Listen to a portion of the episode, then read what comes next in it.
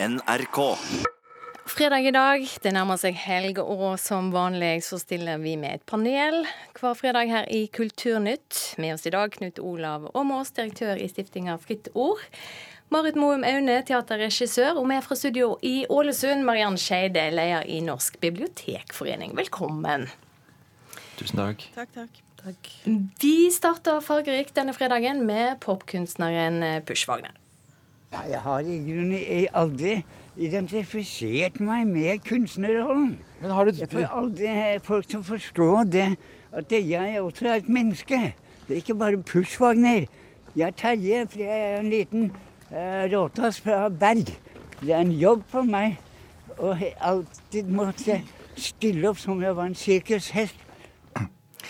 Terje Brofoss, bedre kjent under kunstnernavnet Pushwagner, døde denne veka. De siste dagene er han blitt kalla en av våre viktigste samtidskunstnere, og han er også blitt sammenligna med Edvard Munch, som altså nå har inntatt også Gardermoen.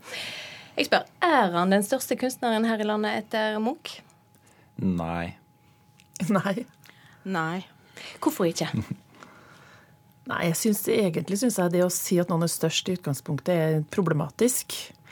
Eh, og så syns jeg det er for tidlig å si hva han er som selvstendig kunstner, i og med at kunstverket hans er forbundet med hvem han har vært. da. Sånn at eh, Jeg syns det er veldig veldig, veldig mye flott. Jeg har vært så heldig å få sett noen utstillinger eller få sett noen bilder. Jeg syns det er fint at vi har hatt han blant oss, men jeg syns det å kanonisere han nå er altfor tidlig. Enig. Ja, enig med Marit Moe Maun i det, og det er mange andre man kunne nevne blant viktige kunstnere etter Munch. Kjell Erik Eli Olsen, Håkon Gullvåg, Håkon Bleken, Inger Sitter, Marianne Heske. Men uh, han er blitt litt ikonisk fordi han uh, uttrykker vår massetid og vår forbrukskultur på, på så fargesprakende måter. Og jeg tror at det at han har den fargepaletten han har hatt, uh, han passer godt på hvite vegger i det moderne Norge. Ja, for det er mange som, som har han på veggen. Pushwagner valgte å komme til utstillingsåpningene sine i helikopter eller sportsbil. Han lager mye show. Hva har det betydd for interessa at han iscenesetter seg sjøl på den måten?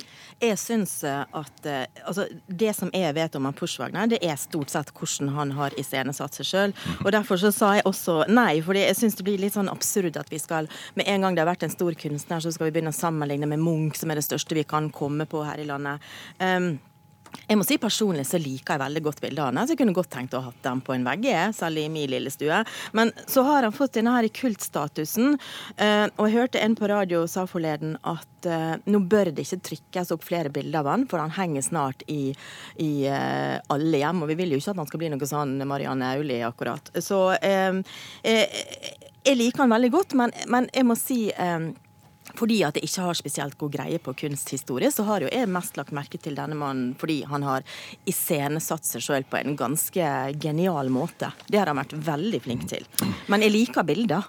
Ja, jeg tenker det at, det at han iscenesetter seg sjøl, desavouerer ikke det at hvordan bilder han har laga. For jeg tenker en av de største iscenesetterne i norsk kunsthistorie er jo Ibsen, som var veldig bevisst på hvordan han gikk gjennom byen til de riktige tidspunktene, og hvordan han ble sett.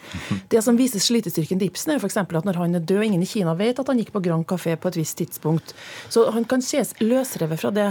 Og det er det som blir veldig spennende nå. Det er som, som det blir sagt her, at vil, vil han tåle tidens tann? Det blir det som blir veldig, veldig spennende. Og det er vanskelig å vite nå? Ja, det vi får håpe det, for det hadde jo vært gøy, det da. Vi går videre. Nytt tema, de nye fylkesnavna. Viken, Innlandet og Vestland. Vi skal høre leder for Norges Mållag, Magne Aasbrenn. Og Det merkeligste av alle syns jo vi er Vestland. Altså et område som dekker to av fire fylker, som av dem vi pleier å regne som Vestlandet. Og en merker jo hvor rart det navnet Vestland er. Hva skal du kalle en som kommer fra Vestland? Er det da en vestlanding, i motsetning til en vestlending? Nei, her må en tilbake på tegnekartet og la folk si meninga si ordentlig om disse navnene. Bør en dra i bremsen nå og la være å tvinge gjennom disse navneforslagene? Ja. Ja. Ja. ja vi er så enige. Skeide, du sitter i Ålesund. Hvorfor det? Altså, jeg kan ikke komme på om dagen noe som gjør meg mer rasende enn dette her. Uh, sånn som det vil bli fremover nå, så vil jo jeg være, ikke være vestlending, mens han Knut Olav vil være det. Og jeg synes at det, når, når, det gjelder kommunenavn, eller kommunenavnene er jo sånn som blir skifta ganske ofte. Eller relativt ofte. Fylkesnavn, det står seg. Sist gang vi hadde oppe fylkesnavn og diskusjon nå, det var i 1918, altså 100 år siden. Og da var det mye grundigere utredningsarbeid enn det vi ser nå. Og jeg syns det er så jeg synes Det minner om en sånn, skal vi si, sånn omvendt kolonialisme. Det er så ekskluderende og det er så nedlatende. Og Jeg hørte han Mimir Kristiansson sa at det, sånn som det vil bli nå, så er ikke han Ivar Aasen fra Vestlandet. Heller ikke Arne Garborg. Ikke Vestlandsfanden. Heller ikke Vestlandslefsa vil lenger bli laga på Vestlandet. Så jeg syns dette her er eh, altså, og, det, og, og, det som blir gjort underveis, det er en sånn bagatellisering når det blir diskutert. så er det sånn ja, vi må jo heller tenke på hva disse, hva disse fylkene skal drive med, istedenfor å henge oss opp i, opp i navnene. Men navn er så identitetsskapende. Jeg er vestlending mm. i kultur, lynne, humor. Eh, hele denne E gjør meg til en vestlending. At det skal være en sånn omvendt ekspropriering av et navn, det syns jeg er så nedlatende. Og jeg syns det er en saksbehandling som er helt på trynet. Åmås, du har jo selv vært statssekretær under regjeringa Solberg. Har det gått litt fort her? Ja, det tror jeg det har gjort. For disse, spesielt disse tre navnene, Viken, Innlandet og Vestland, det er totalt inkompetent eh, og, og meningsløst og historieløst. Så all heder til Norges Mållag og andre for å, for å protestere her. Det, det, finnes så mange gode alternativer. Altså, Det er meningsløst å kalle bare to av fire vestlandsfylker for Vestland. En kunne kalt det Gula eller Bjørgvin. Det fins godt av alternativer. Og det å kalle hele området fra Halden ved svenskegrensa til Geilo for Viken er også helt, eh, helt håpløst. Så her håper jeg noen drar i bremsen. Hvorfor blir folk så engasjert? Altså, det her syns jeg er så lite overraskende. Det er klart man blir det. Og det, det, er klart at det er utrolig viktig, det er den diskusjonen som foregår i Norge om maktorganse fra Oslo. Det her blir jo bare et symbol på et vis. Å si det er ikke så farlig emosjonene til folk sitt hjemstatsfølelse, den skal aldri undervurderes. Det er ikke noe negativt i det. Det er rett og slett identitet. Og så syns jeg det er en ting som er kjempesnålt. Når vi har valgt å ha et språkråd, så finnes det vel ikke en mer opplagt sak å bruke det til enn våre felles valg av et navn på store deler av landet. Det er jo nettopp et ypperlig sted å gå til kunnskap. Derfor vil jeg ha kutt ut språkråd hvis vi ikke bruker det. Altså, Dette er jo ikke bare maktarroganse fra Oslo, det er jo fylkespolitikere f.eks. Ja. i Hordaland og Sogn og Fjordane som ja. her er uh, håpløst uh, historieløse. Og uh, jeg tror kanskje ikke at fylkesidentiteten er så sterk. Det er ikke så mye følelser knytta til fylkeskommunene, men folk flest skjønner når noe blir for, for, for dårlig, og navn som folk flest ikke vil bruke, rett og slett. Du har jo flytta litt rundt om oss. Er geografisk identitet viktigere for folk som bor utenfor sentrale Oslo-området? Ja, det, det, er det kanskje. Uh, ja, muligens. Men jeg tror folk flest uh, først og fremst her reagerer på at det er dårlige navn, rett og slett. Vil ikke bruke de. Jo, men jeg, jeg, tror også det er, at jeg tror også det handler om eh, språklig identitet. Eller det mm. handler til tilknytning til et sted. Jeg bor jo delvis i Oslo, og jeg ser jo at det ut, Uten å være nedlatende, så merker jeg jo at folk har en annen tilknytning til små steder rundt omkring. Det er sånn hjemstandstilknytning som du ikke ser på samme måten der Oslo kanskje består stort sett av innflyttere, da. men jeg tror særlig vestlendinger, fordi jeg er vestlending sjøl, enn så lenge. Jeg føler veldig på at dette her blir så feil, fordi det går på identiteten løs. Vi må ta med for ordens skyld, Shane, at du faktisk er nyvalgt styremedlem i Norges Mållag. Da fikk du mm. mållag. Da fikk du siste ordet på det temaet. Vi tar også med at uh, kommunal- og forvaltningskomiteen skal legge fram sin innstilling om en liten måned før navnene skal avgjøres i Stortinget. Neste punkt. Én av tre nordmenn leste færre bøker i fjor enn åra før.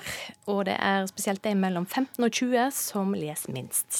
Jeg leser egentlig mer enn det jeg pleier, for jeg pleier ikke å like å lese. Så nå har jeg liksom kommet litt sånn inn i det. Så ja. Eh, jeg tror jeg er sånn cirka Jeg vet ikke, sånn ti bøker i året. Ikke for mange, ikke for få, liksom. Er det et problem at vi alle, og spesielt de unge, leser færre bøker enn før? Ja. Ja. Nei. Nei, fra bibliotekaren. Hvorfor ikke? Eh, fordi at jeg, eh, Jeg ser på mine egne tvillinger som er 18 år. De har aldri lest så mye som nå. De leser all kommunikasjon de har med venner. Alt de, alt de foretar seg, handler om lesing og skriving. Eh, og Der så jeg tallene gått veldig lite ned. Og det syns jeg er smått utrolig på gledelig vis, når vi tenker på hvor mange forstyrrelser en har rundt seg i dag, som også vi voksne har. Det som kanskje er et problem, det er at uh, denne her langtidslesninga, der du står i ei historie og ei fortelling over tid, uh, det blir kanskje skadelidende. Og vi kan også dra inn dannelsesaspektet her. ja, ja Handler dette rett og slett om danning eller dannelse? Altså Blir en et gangs menneske uten å ha lest noe særlig bøker? Det blir en, dessverre. Ja, jeg tenker jo det at Vi må finne ut om det å lese. Vi har, vi har lært oss nå gjennom sånn som skoleveket tenkt de siste 10-20 årene, at lesing er en slags teknisk øvelse. Vi skal bli veldig gode til å lese, vi skal være veldig gode til å lese langt, og det samme hva vi leser. Og det er helt uenig. Og jeg må si det at jeg syns vi skal se litt grann på det trøkket i skoleverket som har vært på mengdetrening, og folk sitter hjemme. Foreldre, veldig mange foreldre kjenner seg at de sitter hjemme med sånne lange leselekser jeg har vært med på sjøl, som bare dreper lesegleden. Har sjøl opplevd å ha en unge som bytta lærer og bytta læringssystem når jeg var tolv år, og plutselig leste jeg masse bøker fordi at det var stimulert i stedet for tvunget.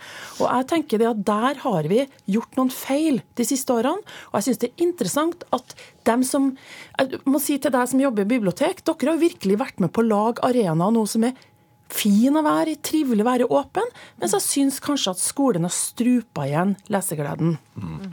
Veldig viktig hva skolen lar elevene lese. og Det er utrolig hvor virksomt et godt skolebibliotek også. Det har vi sett eksempler på, f.eks. Gulskogen ved, ved Drammen. Så jeg er ikke veldig bekymra, men litt for den oppmerksomheten og utholdenheten og langlesinga som Mariann sjøl eh, peker på. Mm. Til slutt vil jeg gjerne høre eh, hva er det som gjør ei bok god? For min del, eh, det som gjør ei bok Jeg ble spurt om det. Jeg ble stilt et spørsmål forleden av en som skulle holde et foredrag. Han spurte hvorfor jeg leste. Og jeg, mitt svar var at jeg leser for å kunne forsvinne. For jeg syns det blir vanskeligere og vanskeligere å forsvinne fordi jeg har så mye rundt meg som jeg må sjekke på Twitter og Facebook og you name it. Og jeg, jeg, særlig hvis jeg leser på et nettbrett. Men jeg leser for å forsvinne, og jeg syns det, det, er det som er min luksus nå om dagen. Det er når jeg kan forsvinne inn i en bok. Når jeg klarer det. Derfor er det jeg leser. Mm. Ja, altså Form og innhold går opp i en høyere enhet i ei virkelig god bok, og en forsvinner inn i en annen verden. Siste ord til deg, Aune. Ja, kanskje god bok er når du egentlig ikke har tid til å fortsette med at du bare vil. Eh, jeg syns også god bok stiller krav til at det skjer noe med deg mens du leser den. Og med det setter vi strek for dagens fredagspanel. Takk alle tre for at jeg var med. Knut Olav Åmås og Marit Moum Aune i studio her i Oslo. Marianne Skeide med på linje fra Ålesund.